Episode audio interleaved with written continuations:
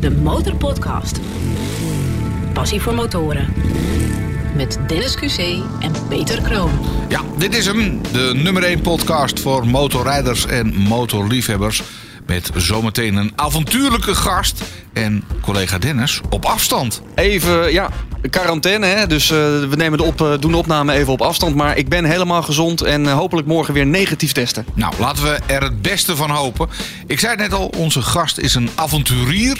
Hij uh, gaat op door de weekse dagen op de motor als de brandweer. Maar hij heeft ook iets met brandweerauto's. En dan wel hele oude brandweerauto's. We gaan zo uitgebreid met hem praten. Maar eerst even onze eigen motormomentjes. Heb jij nog gereden dan? Want uh, ik, ik, vind dat zout op de weg echt zonde van mijn motor hoor. Ja, dat, dat is wel zo. Maar ik spoel hem altijd keurig even af. Als er, oh, als er dan zout aangekomen is, dan spoel ik de motor even af. En dan, uh, dan geloof ik het wel. Ik heb een, een quarantainetocht gemaakt. Want ik ben dus tussen de laatste opname. En vandaag ben ik één keer positief getest. En ja, ik moest dus ook een tijdje binnen blijven, net als jij nu. En op een gegeven moment hield ik het echt niet meer vol en ben ik toch even een stukje gaan rijden. Maar wel helemaal in het pak. Ik ben nergens gestopt. Ja, voor een kopje koffie die ik zelf in een, uh, een thermoskan bij me had. En ik heb getankt bij de, wat is het? De uh, pomp zonder, uh, zonder personeel. Dus veilig, ik ben veilig. gekomen. Niemand besmet en toch even een stukje gereden in het pak. Want ja, ondanks alle corona-ellende kun je nog wel steeds motorrijden. En motorrijden is ook een soort therapie hè, voor ons. Ja, ja, voor mij zeker. Waar wij ons nog een beetje zorgen maken om uh, Pekel, doet onze gast dat volgens mij helemaal niet. Nee, want onze gast rijdt bij voorkeur in de buurt van de Evenaar. En ja, daar wordt zelden of nooit gestrooid. Hadden wij al eerder avonturier Mike on the bike. Dit keer hebben wij de bioloog on the bike. De Motorpodcast. Eind maart gaan we naar Centraal-Amerika en dan hebben we nog een tour in Costa Rica. Dan moeten we in mei, juni in Botswana zijn. Als je dan een, paar, een aantal keer crasht op, zo'n, uh, op, op die grote stenen en, en je ziet al dat, dat, je, dat er een deuk in je tank zit en s'avonds moet je dan weer je remmen proberen te, te repareren tot drie uur s'nachts en dan om zeven uur weer op je motor zitten. Ja, dan op een gegeven moment denk je wel van, is dit wel zo verstandig om te doen? Als je aan Iran denkt of als je naar, naar de media luistert, dan is het van, nou, Iran dat is een gevaarlijk land. Maar van iedereen, elke wereldreiziger of elke reiziger die door Iran heen is gekomen met de motor, die waren allemaal versteld van hoe die mensen daar zijn en, en wat een fantastisch land het is. De perfecte all-road motor, of die bestaat, is ook maar de vraag natuurlijk. Dat is denk ik ook wel heel belangrijk van reizen. Altijd heel goed naar je gevoel luisteren. De Motorpodcast. Achter het vizier van... De bioloog on the bike, Lennart Vonk, dames en heren. Ja, dank jullie wel, heren. Je bent avonturier, je reist de wereld rond, soms samen met je vriendin. Je hebt al een keer drie maanden in een tent gewoond. Je hebt je eigen tiny house gebouwd.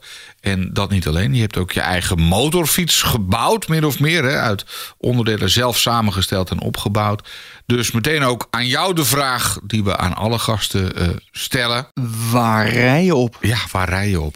Ja, nou, ik heb een uh, KLR 650 Kawasaki uh, heb ik zelf opgebouwd. Dat ding komt uit 1987. En uh, ja, elk boutje, moertje in mijn hand gehad, het hele blok gereviseerd.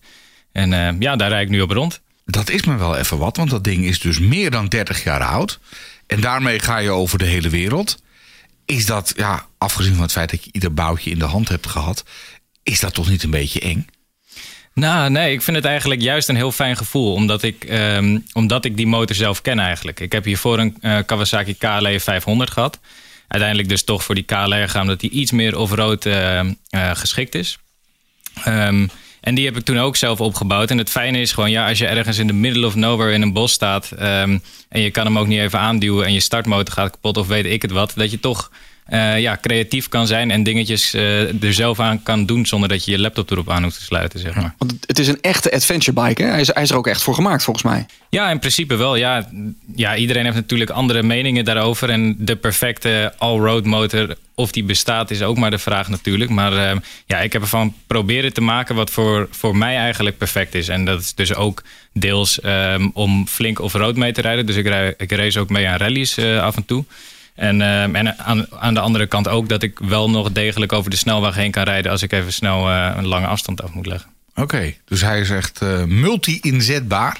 Ja. ja, dat is zeker waar. Maar ja, met name door ervaring eigenlijk een beetje geleerd. Ik heb, ik heb voorheen een aantal jaar in een autobedrijf meegewerkt als monteur. Um, dus daar had ik wel een beetje technische kennis van. En voor de rest is het gewoon uitvogelen en heel veel contacten. En uh, dat is het mooie van social media natuurlijk. Uh, dan gaat er meteen een, uh, een filmpje online en, en dan krijg je meteen mensen die, ook, ja, die daar ook bij willen helpen. Is jouw passie dan ook in die, in die garage begonnen of reed je al langer op de motor? Nou, dat is eigenlijk wel een grappig verhaal. Want ehm, ja, toen ik 13 jaar was, toen, kwam ik, toen was ik helemaal fan van Nissan Skylines en Toyota Supra, Subaru Impreza, al die Japanners. Um, en toen kwam ik bij een bedrijf terecht waar ik toen eigenlijk ook vrijwel meteen begon met werken. En dat was echt mijn passie, vier wielen. Um, en dat, dat was eigenlijk tot het moment dat ik mijn scooter uh, of mijn scooterrijbewijs had gehaald. En dat mijn vader tegen me zei: Ik had al een scooter uitgezocht die ik wilde zien. En toen zei mijn vader tegen me: van ja, maar kijk eens naar een schakelbrommer. En toen had ik daar dus naar gekeken. Wij, rijden, wij halen een schakelbrommer op en ik stap erop. En toen was ik gewoon meteen verkocht. Ja. Dat was gewoon, toen, toen snapte ik van oké, dit is wat motorrijden is. En uh, toen ook meteen begonnen met uh, ja, de dingen uit elkaar halen, helemaal customizen. En, uh, en ook twee maanden nadat ik hem had gekocht, ook helemaal reis klaargemaakt. En ook met een vriend van me, met de Brommers op de 50cc toen nog, toen nog gaan reizen. Ja. Oké, dus het zit er eigenlijk al van heel jongs af aan in. Ja, je bent nu 25, dus je doet al bijna 10 jaar alles op twee wielen. Doe je niet helemaal alleen, maar ook samen met je meisje dus. Klopt, ja. Ja, dat is het, het allermooiste van het verhaal natuurlijk. Dat we dit samen kunnen doen. Uh, zij rijdt zelf ook motors. Zij rijdt de Suzuki DR650. En uh, ja, we hebben elkaar anderhalf jaar geleden in Hongarije ontmoet. En bij een garage, omdat we alle, allebei onze motoren waren kapot. Maar het, ja, dan, dan kan je elkaar niet ontlopen, want we allebei allebei uh, uh, zien we er best wel, uh, ja, allebei lang haar en een beetje, onze motoren zijn allebei oud en ziet eruit als een soort van Frankenstein bike, zeg maar. en ehm, ja, zo, zo zagen we elkaar en toen was het meteen van... ja, Liefde op het eerste gezicht. Je ziet daar een vrouw staan midden in Hongarije met een kapotte motor en pam, je zegt met jou ga ik over de wereld. Precies, ja, precies, ja. Wat, wat een verhaal zeg, Geweldig. hoe is het mogelijk? Ja. En nu uh, binnenkort over de hele wereld. Maar wij hebben nog een andere vraag die we ook aan iedereen altijd stellen. Stel dat, um, want je rijdt op een Kawasaki. Kawasaki belt je op en zegt... joh, die motor die je nu op rijdt, hè, de KLR... Uh, wat was het ook alweer? 650? 650. Um, nou ja, die, die, die, die moet nog een beetje aangepast worden. Heb jij tips voor ons? Wat moet er echt aangepast worden aan dat ding? Ja, je hebt hem al helemaal gecustomized, maar goed... Wat zou de fabriek er nog aan kunnen doen? Ja, nou dan. Uh, hetgene waar ik het allermeeste uit heb gehaald was de carburateur ten eerste. Uh, dat maakt een gigantisch verschil als je een flat slide carburateur erin zet. Dus dan, ja, dan wordt hij in één keer krijgt hij veel meer respons en uh, ja, trekt hij veel lekkerder op. Um, en ik heb, uh, en ja, dit, dit is eigenlijk, hier, hierbij verbaasde ik me het meest. Ik heb er anderhalf jaar geleden um, volledig afstelbare suspensie onder gezet van TFX Suspension, een Nederlands bedrijf. Um, en die hebben me toen geholpen met het helemaal goed afstellen van, de, van die suspensie ook. Volledig afstelbaar. En dat kan ik dus... voor en achter. Precies, ja, ja, ja. En nou, toen kwam ik er eigenlijk pas achter wat vering doet op een motor. En ik heb toen ook heel veel ermee zitten spelen. Maar ik zei dat ook uit een van de vorige afleveringen. Van dat, dat maakt zo'n verschil. Ja, ja. Ja, ik had, ik, ik had me dat ook nooit voorgesteld. Voorheen had ik gewoon één veer. Ja. En, uh, en daar deed ik het mee. En met bagage, zonder bagage. En ja, daar reed ik gewoon mee. Maar nu, nu ik dat allemaal kan afstellen. En als ik ook de, ja, de hoogte af kan stellen als ik een bagage opzet. En als ik off-road ga rijden. Of als ik, uh, of als ik juist uh, nog agressiever wil rijden. Of snelweg moet rijden. Overal heb je een andere setting voor. En dat maakt echt het verschil. Waar heb je dat dan elektronisch? Ik heb ook een motor gehad waar dat mee elektronisch kon. Of moet je gewoon aan een ring draaien aan je, aan je schokbreker en dan... Uh...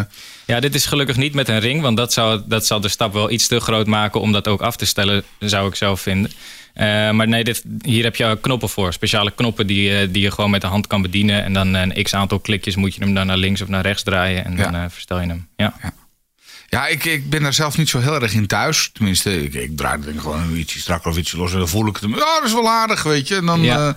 komt het wel goed. Ja. Maar er is dus echt een, een wereld van verschil. Of tenminste, er valt heel veel te verbeteren door je schokbrekers echt goed aan te passen. Klopt, ja. En daar kan je ook wel. Op het begin ging daar ook iets, iets te diep op in, zeg maar. En dan elke keer weer één tikje en voelen. En ja, wat is nou de beste setting? Dat is lastig. Maar uiteindelijk, als je een aantal basissettings hebt voor met bagage, zonder bagage, on-road en off-road. Ja. Um, ja, dan, uh, dan ben je er wel. Dan ben je er wel, ja. En is die nu helemaal naar je zin of ga je er nog iets aan veranderen? Nou, hij ligt momenteel helemaal uit elkaar in Spanje ergens onder een afdakje, helaas. Um, want uh, hij had nogal hoog olieverbruik. En ehm, ja, daar ben ik nu naar aan het kijken. Waarschijnlijk is er, eh, is er zand in de, in de carburateur gekomen ehm, eh, afgelopen zomer. Ehm, ja, dus daar moet ik even naar kijken. En, en hoe pak je dit dan weer aan? Ga je dan eventjes naar, naar Spanje toe met een gistgereedschap en dan... Nou, eens even kijken hoor, eh, hoe we dit weer op gaan knappen. Nou, ik had hem dus... eh, ik was een paar weken geleden nog in Spanje. Toen had ik hem helemaal uit elkaar getrokken. Want eh, er was daar een Nederlander en die zou met de auto zou die naar Nederland rijden.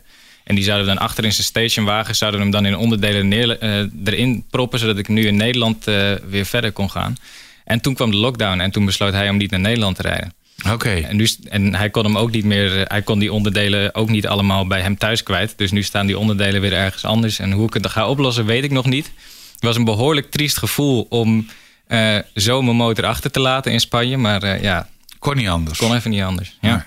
Ja. Is dat ook niet een beetje een kenmerk van hoe jij eh, ja, door het leven gaat? Van, ja, eh, als je het zo de wereld overgaat, is het dan niet van teleurstelling naar teleurstelling zo langzamerhand? Of valt het ja, mee? ja, dat zou je wel zeggen inderdaad. Nee, het, ehm, eh, waar ik heel erg van hou, zijn onverwachte dingen. En juist als er zich problemen voordoen, ehm, eh, tot, tot in bepaalde mate natuurlijk. Op het begin is het altijd even vervelend, maar om die problemen vervolgens op te lossen en het allemaal, ja, en het allemaal weer op baan te krijgen, dat is wel een heel lekker gevoel, vind ik. En dat geeft ook heel veel vertrouwen in jezelf dat je, dat je alles wel kan en dat het altijd wel goed komt. Ja, is mooi als je zo in het eh, leven kunt staan. Ehm, op een van je socials schrijf je op een gegeven moment, en ik eh, zeg het even in eigen woorden: ik, ik ga mijn leven omgooien, ik ga leven op de motor. En denk bij mezelf, ja, hoe, hoe was je dan aanvankelijk van plan om te gaan leven? Want je hebt eh, biologie eh, gestudeerd. Had je de nieuwe Midas Dekkers moeten worden of zo? Freek Vonk, zit Freek in de Vonk. achternaam natuurlijk. Ja, Ja. Nee, ehm, ik hou gewoon heel erg van, eh, ja, van afwisseling, van uitdagingen. En in principe, ja, werk als bioloog past er daar wel goed bij. Omdat eh, ja, je doet gewoon verschillende projecten. En dat duurt een x aantal maanden en dan ga je door naar de volgende. Ehm, maar toch vond ik het, ja, reizen en motorrijden, dat is ook gewoon een, een hele grote passie van me. En dat kon ik ook weer combineren met natuur door veel wild te kamperen. En ehm, daardoor dacht ik van ja, laten we gewoon op de motor stappen en zien waar we uitkomen. Maar je bent dus afgestudeerd bioloog en jij en je, en je vriendin hebben dus hun hele leven omgebouwd tot motorrijden en jullie verdienen daar ook je geld mee. Ja, dat klopt inderdaad. Ja. Ja. Ik denk dat menig luisteraar nu enorm jaloers op jullie is. Hoe fix je dat? ja, door het gewoon te doen. En, ehm, Maar ehm, waar leef je van? Ja, mijn vriendin, zij is eh, journaliste. Ze schrijft, eh, ze schrijft artikelen voor ADV Rider en, eh, en andere magazines, internationale. En ehm, ik ben momenteel bezig met video's. Dus we hebben een, ehm, een bedrijf, Motorismo heet het. Is eigenlijk een soort booking.com voor motortours. Die, dat is een Duits bedrijf en je kan naar die website gaan en dan kan je zeggen... nou, ik wil een tour doen in, eh, laten we zeggen, Zuid-Amerika. Ehm, eh, het moet een off-road tour zijn en eh, ik wil graag ook dat, ik, dat er een training bij zit. Dan kan je al die filters invullen en dan komen zij met allemaal suggesties. partners die zij hebben en die, die laten ze dan zien. Dus je kan via daar kan je allemaal verschillende tours boeken. En op een gegeven moment kwamen zij eigenlijk, eh, wilden zij graag internationaler worden. En vroegen zij aan ons van, nou ja, kunnen jullie ons daarbij helpen? En toen hebben we dus eigenlijk gezegd van, nou, we, we denken dat video's tegenwoordig een, een heel hot item is. Dus misschien kunnen wij eh, video's voor jullie maken. Als jullie ons dan van tour naar tour zenden.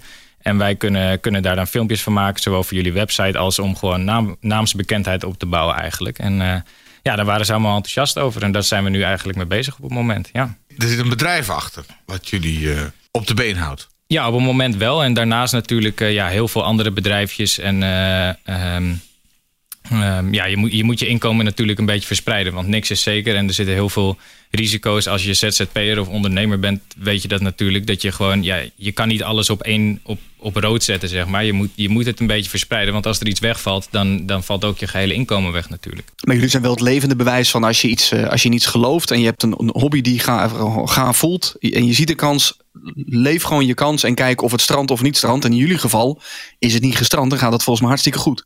Ja, zeker weten. Tot nu, Ja. tot nu toe gaat het hartstikke goed. En eh, ehm, ja, het, bevalt me eigenlijk ook wel heel erg om gewoon eh, een beetje de hort op te zijn. Op een gegeven moment moet ik zeggen, want motorrijden is vrijheid. Voor de, voor de meeste mensen denk ik wel, is dat natuurlijk een heel belangrijk punt ervan. Dat is, Ja. was het voor mij ook altijd. Maar op het moment dat je op de motor woont, ehm, dan verandert dat dus wel echt, vind ik. Dat, tenminste, dat heb ik ondervonden Omdat je op een gegeven moment beperkt het eigenlijk juist je vrijheid. Omdat je, uh, je hebt geen vaste plek. Je moet altijd alles wat je, wat je mee hebt, al je bezittingen, die heb je op je motor. Dus elke dag moet je weer op een nieuwe plek, moet je alles uitla afladen. Um, uh, gebruiken en dan de volgende dag weer verder. En op een gegeven moment merk ik toch wel dat, je, dat heel veel energie kost met name. Als je in je dagelijkse dingen, als je ook nog moet werken... en je moet daarnaast moet je en afstanden afleggen en alles inpakken en uitpakken... en uh, je weg vinden in, in nieuwe plekken. Waar is de supermarkt? Waar is die winkel? Waar is die winkel? Dan ben je heel veel tijd kwijt uh, met dingen die je, die je normaal gesproken als heel normaal en makkelijk beschouwt eigenlijk. Ja. Maar denk je dat dat zoveel tegenstand gaat bieden dat je ooit gewoon weer toch echt bioloog gaat worden? Nee, dat zeker niet. Dat zeker, dat niet. Zeker nee. niet. Dat zeker niet. Heb, heb je nog een thuisbasis in Nederland? Um, ik heb nog een thuisbasis. Ik heb een aantal jaar geleden een tiny house gebouwd zelf. Um, die staat in Den Bosch op een bedrijf, of op een bedrijf, op een terrein die heet, dat heet Minitopia. is eigenlijk een soort dorpje met allemaal tiny houses. Dus iedereen heeft daar zelf zijn, zijn huis gebouwd. En um, ja, ik dus ook. En daar heb ik dus, die heb ik momenteel nog. Wil ik uiteindelijk wel vanaf. Ik denk dat ik hem komend jaar uh, toch wel ga verkopen. Want ja, ik, uh, ik kom er eigenlijk niet meer zo vaak. En ik heb ook nog een camper hier in Nederland. En als ik in Nederland ben, vind ik het eigenlijk veel relaxter om in die camper te, te wonen. Ja. Omdat ik dan naar vrienden toe kan, biertje kan drinken bij hun thuis... en gewoon lekker bij hun voor de deur kan bivakeren. De Motorpodcast. Gratis in je favoriete podcast-app. Aflevering 42 van de nummer 1 podcast voor motorrijders en motorliefhebbers. De Motorpodcast. En we praten in deze aflevering met bioloog Lennart Vonk. Wereldreiziger, avonturier. Maar ondertussen ook nog even bezig met een project waar hij vanmorgen nog even zijn rijbewijs voor gehaald heeft. Ja. Uh, gefeliciteerd trouwens Gefeliciteerd. nog. Dankjewel, dankjewel. Ja, maar dat doe je toch niet even zomaar. Je hebt je vrachtwagenrijbewijs gehaald. Ja. Want je bent bezig met een ja, vertel het zelf maar. Een, een, een, een oude brandweerwagen. Wat, wat, ja. wat zijn dit nu weer voor plannen? Klopt, ja. Nou ja, dit is eigenlijk ook een beetje terugkomend op wat ik net vertelde. Van dat we um, ja, toch eigenlijk wel de, een beetje een eigen plekje missen. Of een beetje een stabiliteit toch wel af en toe missen. Met name als we veel moeten werken. En daarom hebben we besloten van, nou, we willen misschien wel een camper, een camper of iets dergelijks hebben. Dus we hebben gekeken, ook naar de camper die ik momenteel heb... van hoe kunnen we dat zo inrichten dat de motoren ook mee kunnen. Ja, dat kan dus niet, want dan kom je boven, de maxima, boven het maximale gewicht uit. Dus we moesten voor een vrachtwagen kiezen. En uh, nou ja, toen hebben we voor een 50 jaar oude Mercedes gekozen. 50 jaar oud? Ja. ja. Oké, okay. ja. Weer, weer hetzelfde verhaal als net dus. Ja, dat je hem gewoon heel makkelijk uh, zelf kan onderhouden in principe. Uh, en ook in landen als Afrika kennen ze die, die, dingen veel beter dan een, dan een nieuwe Porsche bijvoorbeeld. Ja. En uh, ja, dus, dus die, uh, die zijn we nu helemaal aan het strippen en opnieuw aan het opbouwen. En dan komt er achterin komt er een, um, een lift waar onze motoren op kunnen. En dan worden die motoren ook binnen de, um, binnen de bebouwing zeg maar, van, de, van die camper worden ze erin gezet.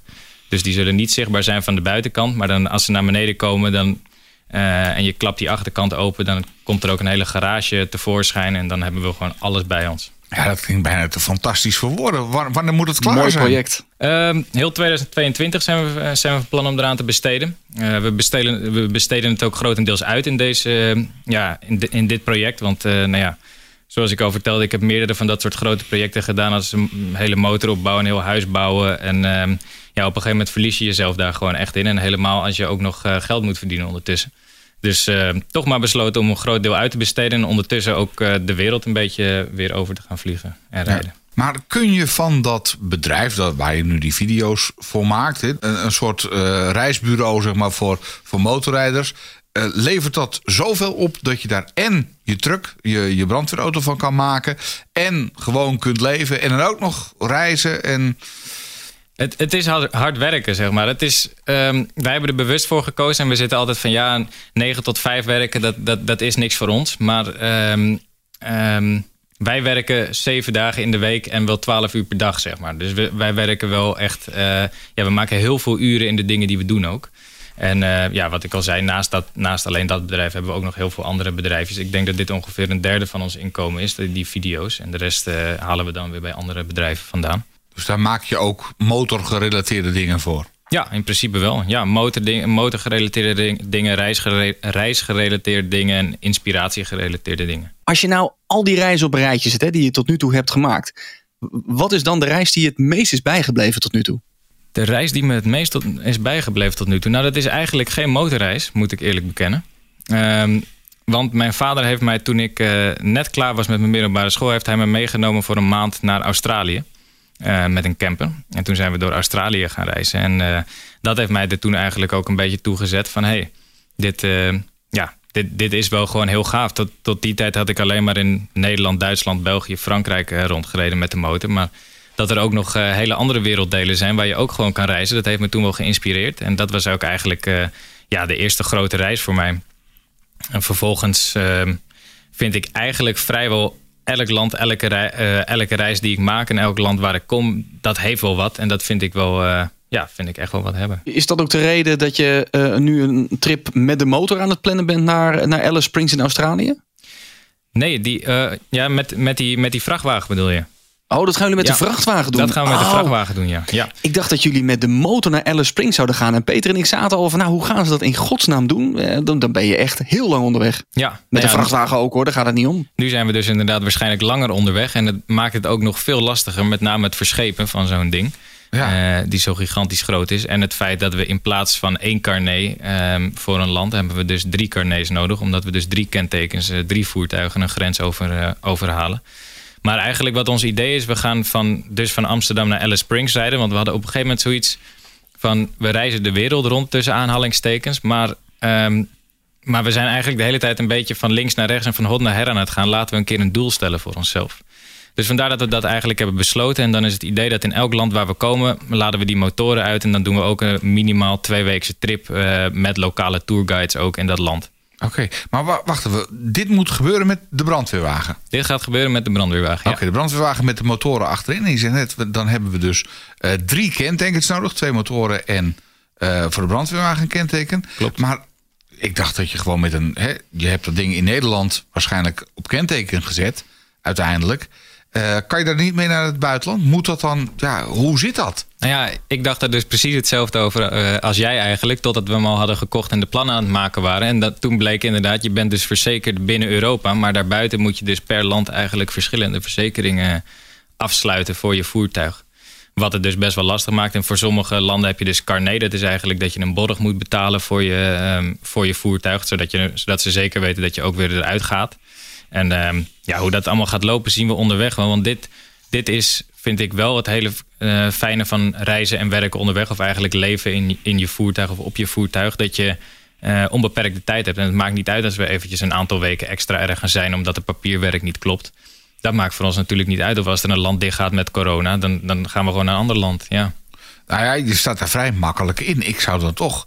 Ja, sorry, maar ik, ik word daar licht nerveus van. Ik zou dan op een gegeven moment denken... van, Oh, godverdomme, oh, rijbewijs, of tenminste, rijbewijs is in orde. Maar eh, kentekenbewijs, hoe gaan we dit dan weer oplossen? En eh, Ja. Ook als ik de route zie, jullie gaan eh, nou, door Oost-Europa, dan, dan wordt het waarschijnlijk Turkije of Georgië. Dan zul je ergens door Iran, Afghanistan moeten of ga je een andere route volgen? Nee, die route gaan we inderdaad volgen. Ja, ja Het zijn niet de Afghanistan, makkelijkste eh, landen. proberen we nu wel een beetje te omzeilen, inderdaad. Maar eh, ja, in principe zijn dat wel, de, zijn dat wel de, de dingen die we ook graag willen zien hoor. Want eh, ja, dat zijn natuurlijk culturen waar, waar je niet zomaar eventjes op vakantie gaat met het vliegtuig. En heen rijden, dat lijkt me fantastisch. Want je, hoort vaak wel van dat soort landen. Bijvoorbeeld Iran is een heel goed voorbeeld. Ehm, als je aan Iran denkt of als je naar, naar de media luistert, dan is het van, nou, Iran dat is een gevaarlijk land. Maar van iedereen, elke wereldreiziger of elke reiziger die door Iran heen is gekomen met de motor eh, of, of met een ander vervoer, die waren allemaal versteld van hoe die mensen daar zijn en, en wat een fantastisch land het is. nou ja, inderdaad, wat je zegt. Als ik de media volg, dan denk ik Iran, eh, daar moet je niet naartoe gaan. Zeker niet op een motorfiets. Ja, Maar eh, jij staat daar heel anders in. Dus ja in principe wel. Ik voel nu al een tweede opname aankomen. Als jullie daar geweest zijn en terug zijn uit Alice Springs, dan moet je zeker nog een keer langskomen. Ja, nee, dat lijkt me een goed plan. Ja. Of als je halverwege bent, want ja, eh, Dennis zit nu in verband met quarantaine een paar honderd meter verderop in een gebouw. Maar dezezelfde verbinding kunnen we ook met jullie maken als jullie onderweg zijn. Oké, oh, dat is helemaal leuk, ja. Ja, dat hebben we al eerder gedaan met eh, onder andere Maarten en Jessica, die eh, door Zuid-Afrika aan het rijden zijn. Ze waren eerder te gast bij de Motorpodcast. Ja, en dan kunnen we met elkaar praten alsof je in de studio bent. Ik ben wel benieuwd, want eh, Linda uit Nijmegen vraagt zich ook af. Maar ik eigenlijk ook. Krijg je nooit woorden met elkaar? Omdat eh, je vriendin bijvoorbeeld een andere idee heeft van de reis... of van de, de route onderweg... of gewoon iets anders wil doen dan jij op dat moment. Want je zit 24 uur per dag letterlijk op elkaars lip. Klopt, ja, klopt. Ja. Nou, dat was eigenlijk het hele mooie, want dat gebeurde dus al sinds dag één dat we elkaar eh, hadden leren kennen. En in eerste instantie, ehm, ehm, want ik was eigenlijk onderweg vanuit Montenegro naar Polen. Ik ga even het hele verhaal uitleggen. Ja. Ik was onderweg van Montenegro, eh, vanuit Montenegro naar Polen en ik moest snel over de grens van Hongarije heen. Ehm, omdat die, die grens ging dicht over twee dagen. Dus ik was een gek van, van eh, Montenegro naar, naar Hongarije gereden. Kom die grens over. Ehm, en toen belt die vriend van me op met wie ik had afgesproken in Polen. Van ja, sorry, ik heb een huis gekocht, Lennart, eh, met mijn vriendin. En eh, ik kom toch maar niet meer naar Polen toe. Dus toen was mijn plan in één keer van de ene op de andere dag was helemaal in duigen gevallen, zeg maar. En ehm, Word je er niet giftig? Ja, ik zou giftig worden. Maar goed, Ja, inde- inderdaad. Normaal gesproken zou, zou je dat wel worden. Maar ik, ik, wist meteen al van... Dit gaat, dit gaat andere mooie dingen opleveren. En toen zei ik ook tegen hem van... weet je, ik gun het jou heel erg. Ik vind het super jammer, want ik had er heel erg naar uitgekeken. Maar ik weet zeker dat hier andere mooie dingen uit gaan komen. En letterlijk diezelfde avond ontmoette ik Egle. En die zei, ik ben onderweg naar Kroatië. Dus weer terug in waar ik vandaan kwam. En eh, ik ga dan een, een rally race. Heb je wel eens een rally geraced? Ik zeg, nee, heb ik nog nooit gedaan. Maar eh, ik kom wel mee. Want Ja. ja. ik heb niks meer te doen. En zo, eh, zo zijn we dus in eerste instantie... zijn we gewoon als, als zijnde samen reizen, zijn we daarheen gegaan. En dan hebben we twee weken lang met elkaar eh, gewoond eigenlijk, zonder dat we elkaar kenden. En dat, dat beviel ons allebei zo goed. En we waren allebei zo, zo erg verbaasd dat, dat, daar zo, eh, dat dat zo gemakkelijk ging. En eh, dat is eigenlijk nog steeds zo, ja. Ondanks dat we dus altijd in de meest goedkope Airbnb's of hotels op elkaar zitten. Dat, ja, het klikt meteen. ja. Want even voor de goede orde. Jouw meisje is dus geen Nederlandse. Eh, welke taal spreken jullie met elkaar? Eh, wij spreken Engels met elkaar, ja. Oké. Ja, ze komt uit Litouwen. En eh, ja, voor mij heeft het geen nut om Litouws te leren. En voor haar heeft het geen nut om Nederlands te leren. Dus ja, Nee. dan maar Engels. De Motorpodcast. De bek valt open van verbazing. Als ik dit allemaal zo hoor, dan denk ik van hoe, hoe krijg je het voor elkaar? ik bedoel, eh, ja, na twee weken eh, leer je elkaar wat beter kennen. Dan een soort liefde op het eerste gezicht eh, qua motorrijden en de rest. En dan nu wereldreizen. Ik bedoel, ja, ehm, het is maar even wat. Ja, klopt. Ja, we zijn wat dat betreft gewoon allebei hetzelfde ingesteld. We, we houden ervan om, om ervaringen te verzamelen, overal over de wereld. We willen graag andere culturen ontdekken. We houden heel erg van nieuwe mensen leren kennen en met mensen zijn. En ehm, ja, we hebben dat allebei. En dan onderweg veranderen de plannen continu. Altijd als wij een plan hebben, dan verandert dat weer. Maar dat maakt ons allebei ook eigenlijk vrij weinig uit over het algemeen. Omdat we weten van, ja, er komen toch wel weer andere mooie dingen op ons pad. En elke dag is een verrassing eigenlijk. Waar is je meisje nu? Zij zit nu in Den Bosch. Oké. Zij is aan het werk nu. Oké. En ehm, volgende week vliegt ze naar Portugal.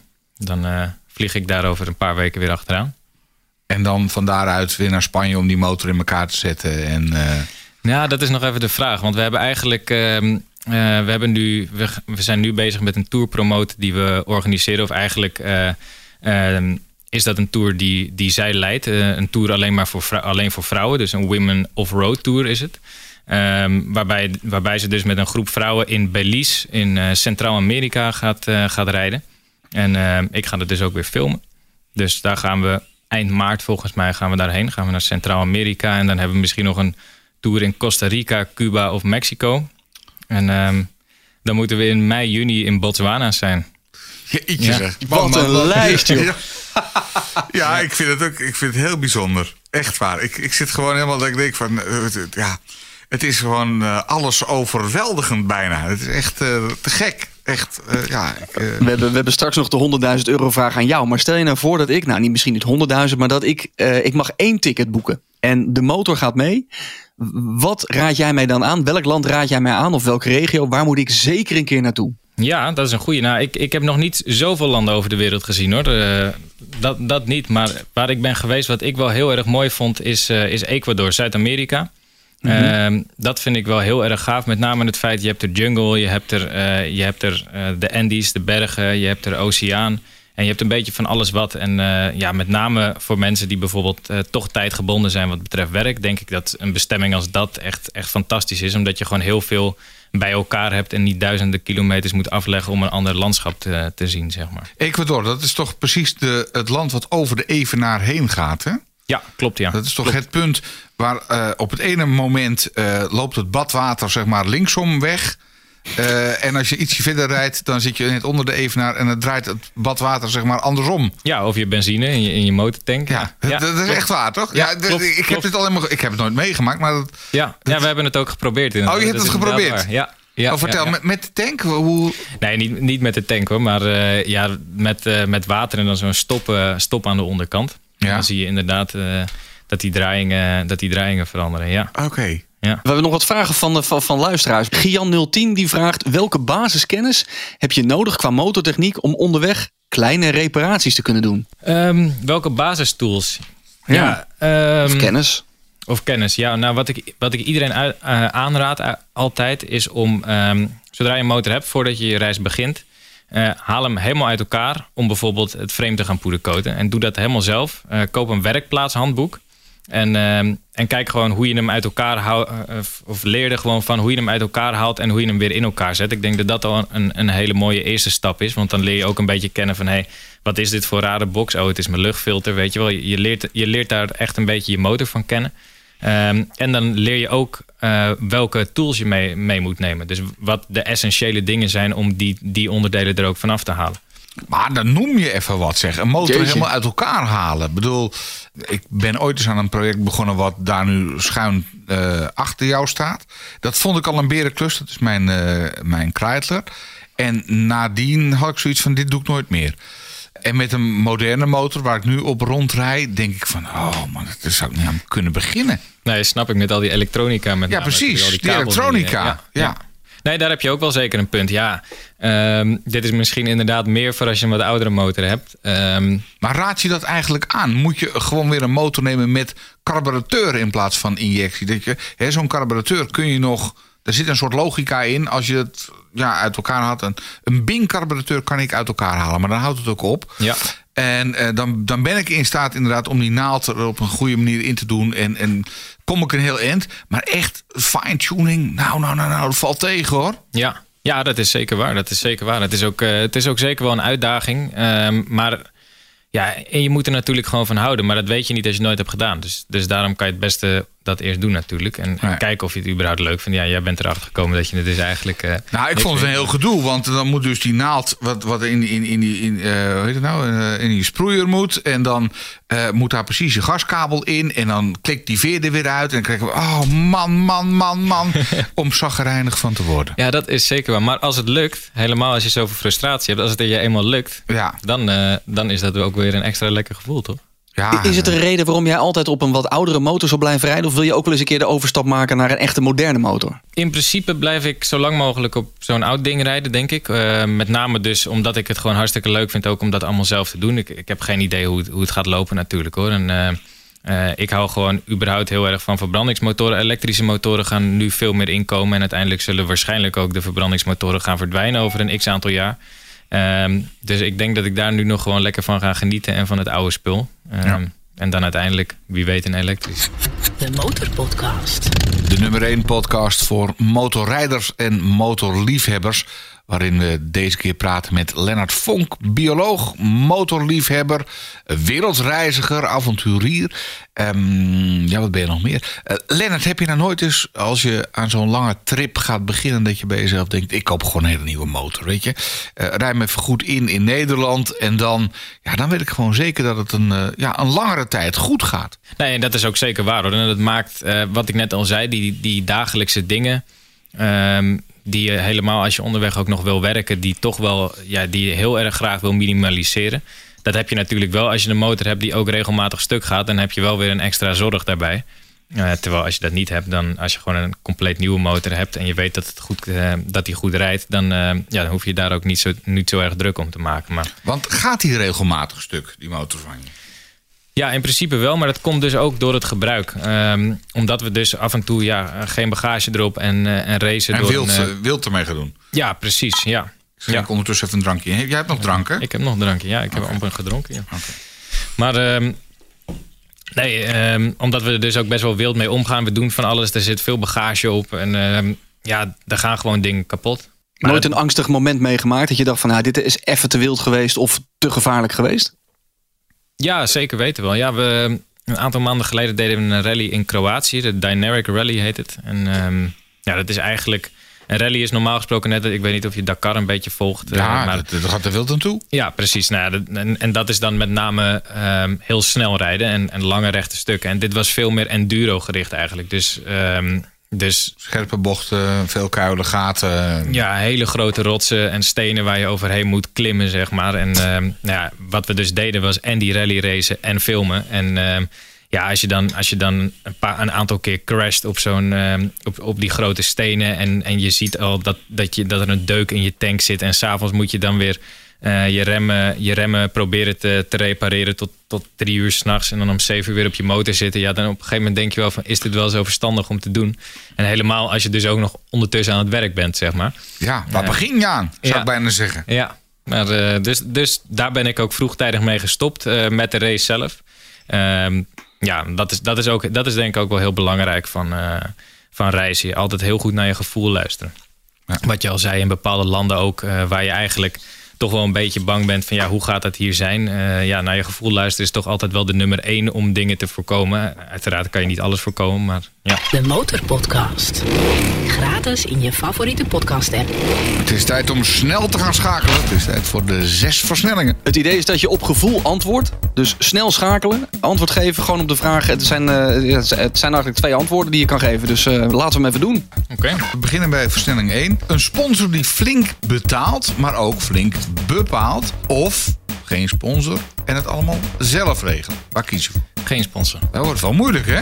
Ja, dat wordt wel lastig, ja. ja. Boven de evenaar rijden of eronder. Eh, eronder. Geld verdienen of rondrijden. Rondrijden. Afrika of Zuid-Amerika. Afrika. Afrika, oké. Oud worden in Nederland of toch ergens anders. Ergens anders. En onroad of offroad. Offroad. Wel met het geld te beginnen. Liever dan toch geen sponsor, Peter zei het al. Dan wordt het wel lastig. Dat is zeker waar. Dat is zeker waar. Kijk, op het moment doen we dat dus nog wel. Eh, dat soort dingen. Dat, dat we dus inderdaad eh, ja, een, sponsor, eh, een, sponsor, een sponsor aannemen. En vervolgens eh, ja, die ook wel redelijk bepalend is daar, daarin.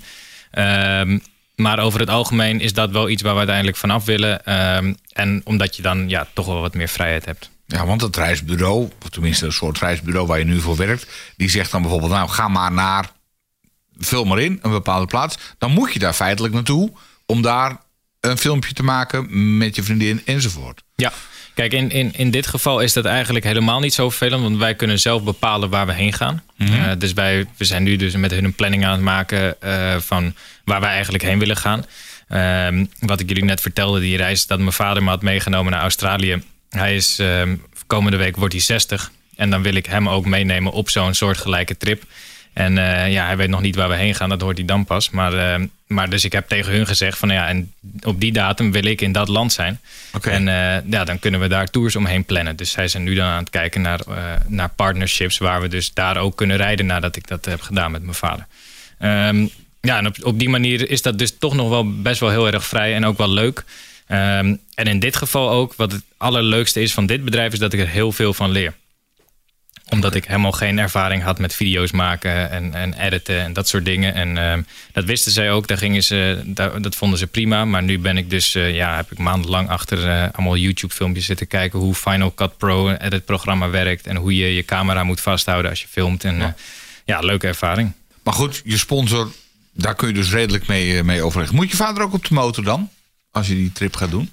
Ja, dat weet hij ook nog niet. Dat kan ik nog niet in deze aflevering vertellen. Oh, dan hoort hij het en dan... Ja, ah, Oké, ja, ja. dus eh, eh, vader van Lennart, even de oren dicht. En dan kun je het misschien toch voorzichtig zeggen. Ja, ik weet het niet. Ik kan er echt Ah, niks over kwijt. Eh, Je, je wilt er niks over zeggen, dat is duidelijk. Nee. Hey, oud worden in Nederland of elders? Jij wil liever ergens anders oud worden dan in Nederland. ja, dat klopt. Ja. En Vertel. waar dan? Waar dan? Nou, het liefst in eh, Zuid-Europa. Ik ben nu ook ehm, eh, samen met een, een groep vrienden eigenlijk zijn we aan het kijken naar een stuk land in Portugal of Spanje.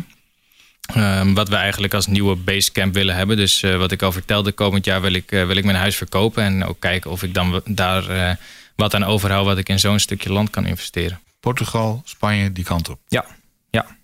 Boven of onder de evenaar? Toen zei je meteen eronder. Spanje is niet onder de evenaar. Nee, dat is waar. Maar waarom ik dat met name zei, is omdat ik daar, daar nog niet heel veel ben geweest. En daar wil ik graag ook wel wat meer van zien.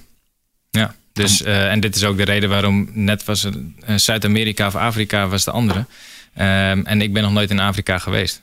Dus vandaar Afrika, ja. En vandaar ook onder de evenaar. Aflevering 37, hè? Maarten en Jessica, die weten alles over Afrika. Dus die moet je even contacten eigenlijk. Ja, ja we hebben ook contact. eh, Oh, dus, het, is, ja. het is een kleine wereld. hè? Ja, het is een hele kleine wereld. Ja. De Motorpodcast.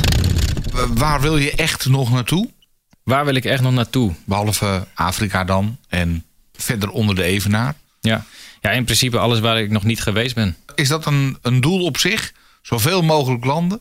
Ja, in principe wel. Het is niet, het is niet per se een doel van ik moet, alle, ik moet in alle landen zijn geweest of, of iets dergelijks. Ehm, wat ik wel heel graag zou willen is om nog heel veel verschillende culturen te zien voordat die culturen eigenlijk verdwijnen.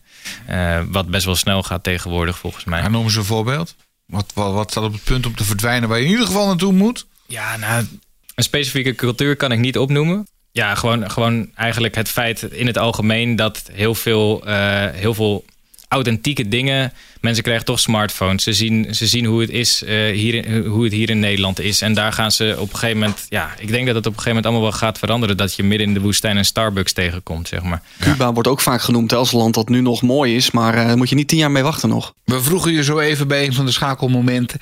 ehm, geld verdienen of gewoon een beetje rondrijden? En toen zei je, gewoon een beetje rondrijden. Ja, ja, ja. Waar leef je dan van?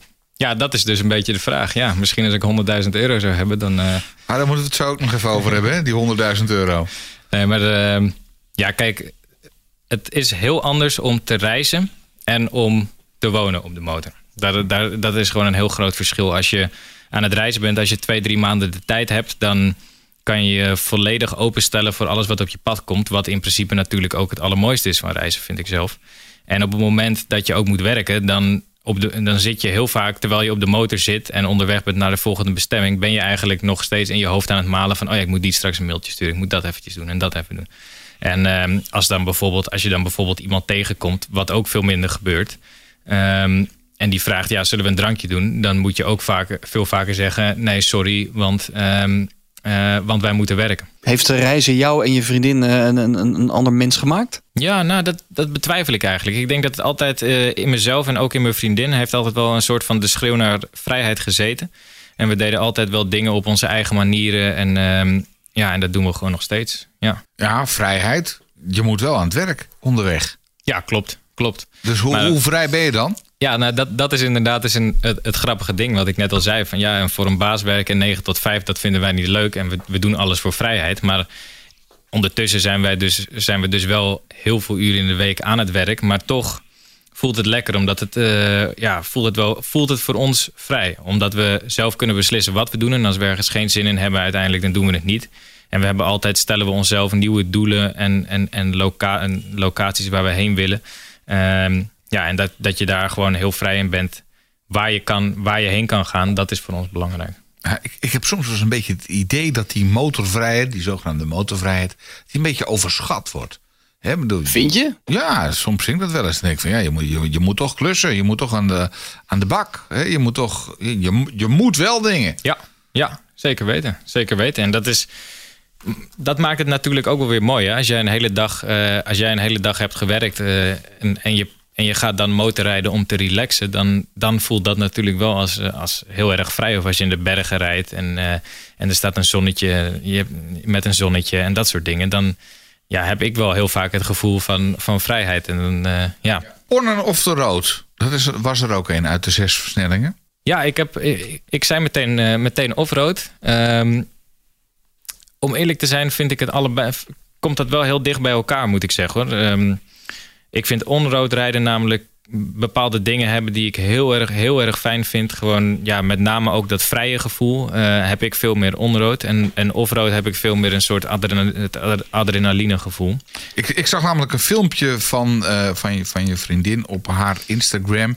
En op een gegeven moment een soort rotsachtig gedeelte. En daar moest jullie doorheen. En jij was haar aan het duwen en gas geven met die motor. Ik denk, gaddamme zeg, dat zou je toch de hele dag moeten doen. Dan verlang je toch naar een stukje lekker asfalt. Waar je gewoon lekker door kan rijden. Ja, ja, ja. Ja, zeker weten. Ja. Maar ehm, ja, op die manier kom je ook wel weer op plekken. En, en then again, als je, zo, als je daar doorheen bent gekomen door, door zoiets heftigs. Nou, het was wel toevallig dat je het zegt, want dit was de eerste landslide was het dan. Hè? Die, die weg was dus helemaal, Ja. ehm, doordat die berg aan het afbrokkelen was, was die hele weg eh, weg. En daar moesten we dus doorheen ploeteren. En toen waren we er eindelijk doorheen. En toen, nou, de eerstvolgende bocht was het gewoon weer. En dat hebben we dus vijf keer op een rij hebben we dat dus ook gehad. Voordat, dat, eh, voordat we uiteindelijk op een rechte weg naar een dorpje kwamen. Toch niet af en toe gewoon hartstikke zat? Denkt van, oh man, man, man, ik stop ermee. Nee, zeker niet. Zeker Nee? niet. Nee.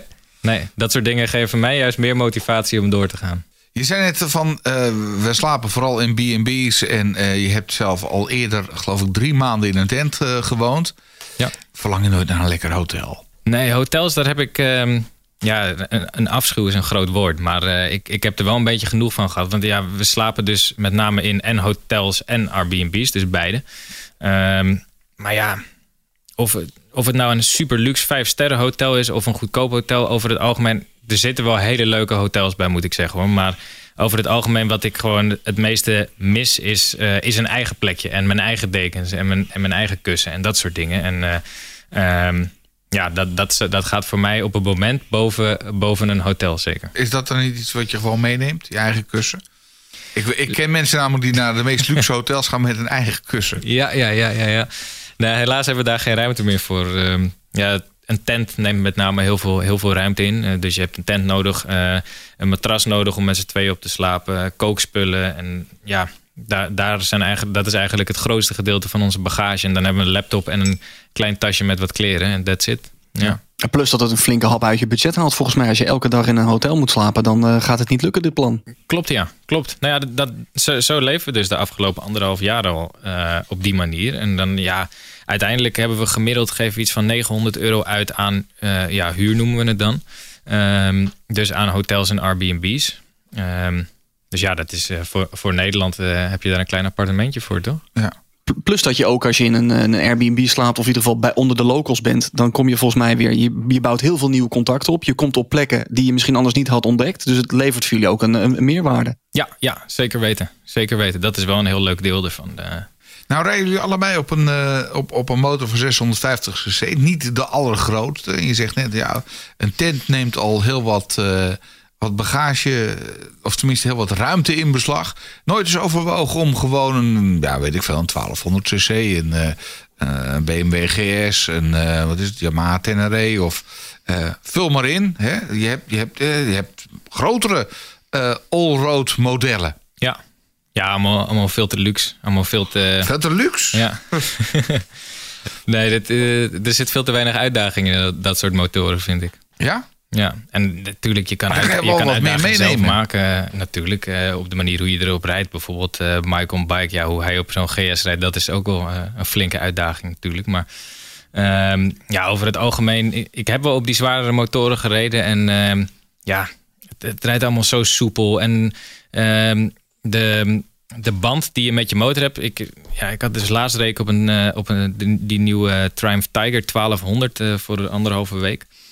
Ja, gewoon geen band met die motor. Ja, hij doet wat hij doet en je kan hem in een andere modus zetten. En eh, ja, als je hem niet in sportmodus hebt, dan heb je echt het gevoel alsof je op, op een, op een ja, machine rijdt, zeg maar. Terwijl met mijn, met mijn motor of met een motor waar je gas geeft en die gaskabel gaat naar de carburateur en trekt hem open, dan heb ik voor mijn gevoel veel meer een band met de motor. Oké. Ja. Dus voor jou geen injectie eh, elektronisch uh, hoe, hoe noemt het ook weer? Eh, by wire, ehm, speed by wire. Nee, het heet anders. Nou goed, in ieder geval een echte gaskabel, dat moet jij hebben. Ja, ja, ja, ja. Dus geen grote motor met veel dure koffers erop, maar gewoon een zelfgemaakte, of tenminste zelf samengestelde motor. Waarmee je lekker rijdt en alle buitjes en moertjes gewoon kent. Voor nu nog wel, ja. Ja, Ja. Waar sta je over vijf jaar? Hoe, waar, waar ben je dan?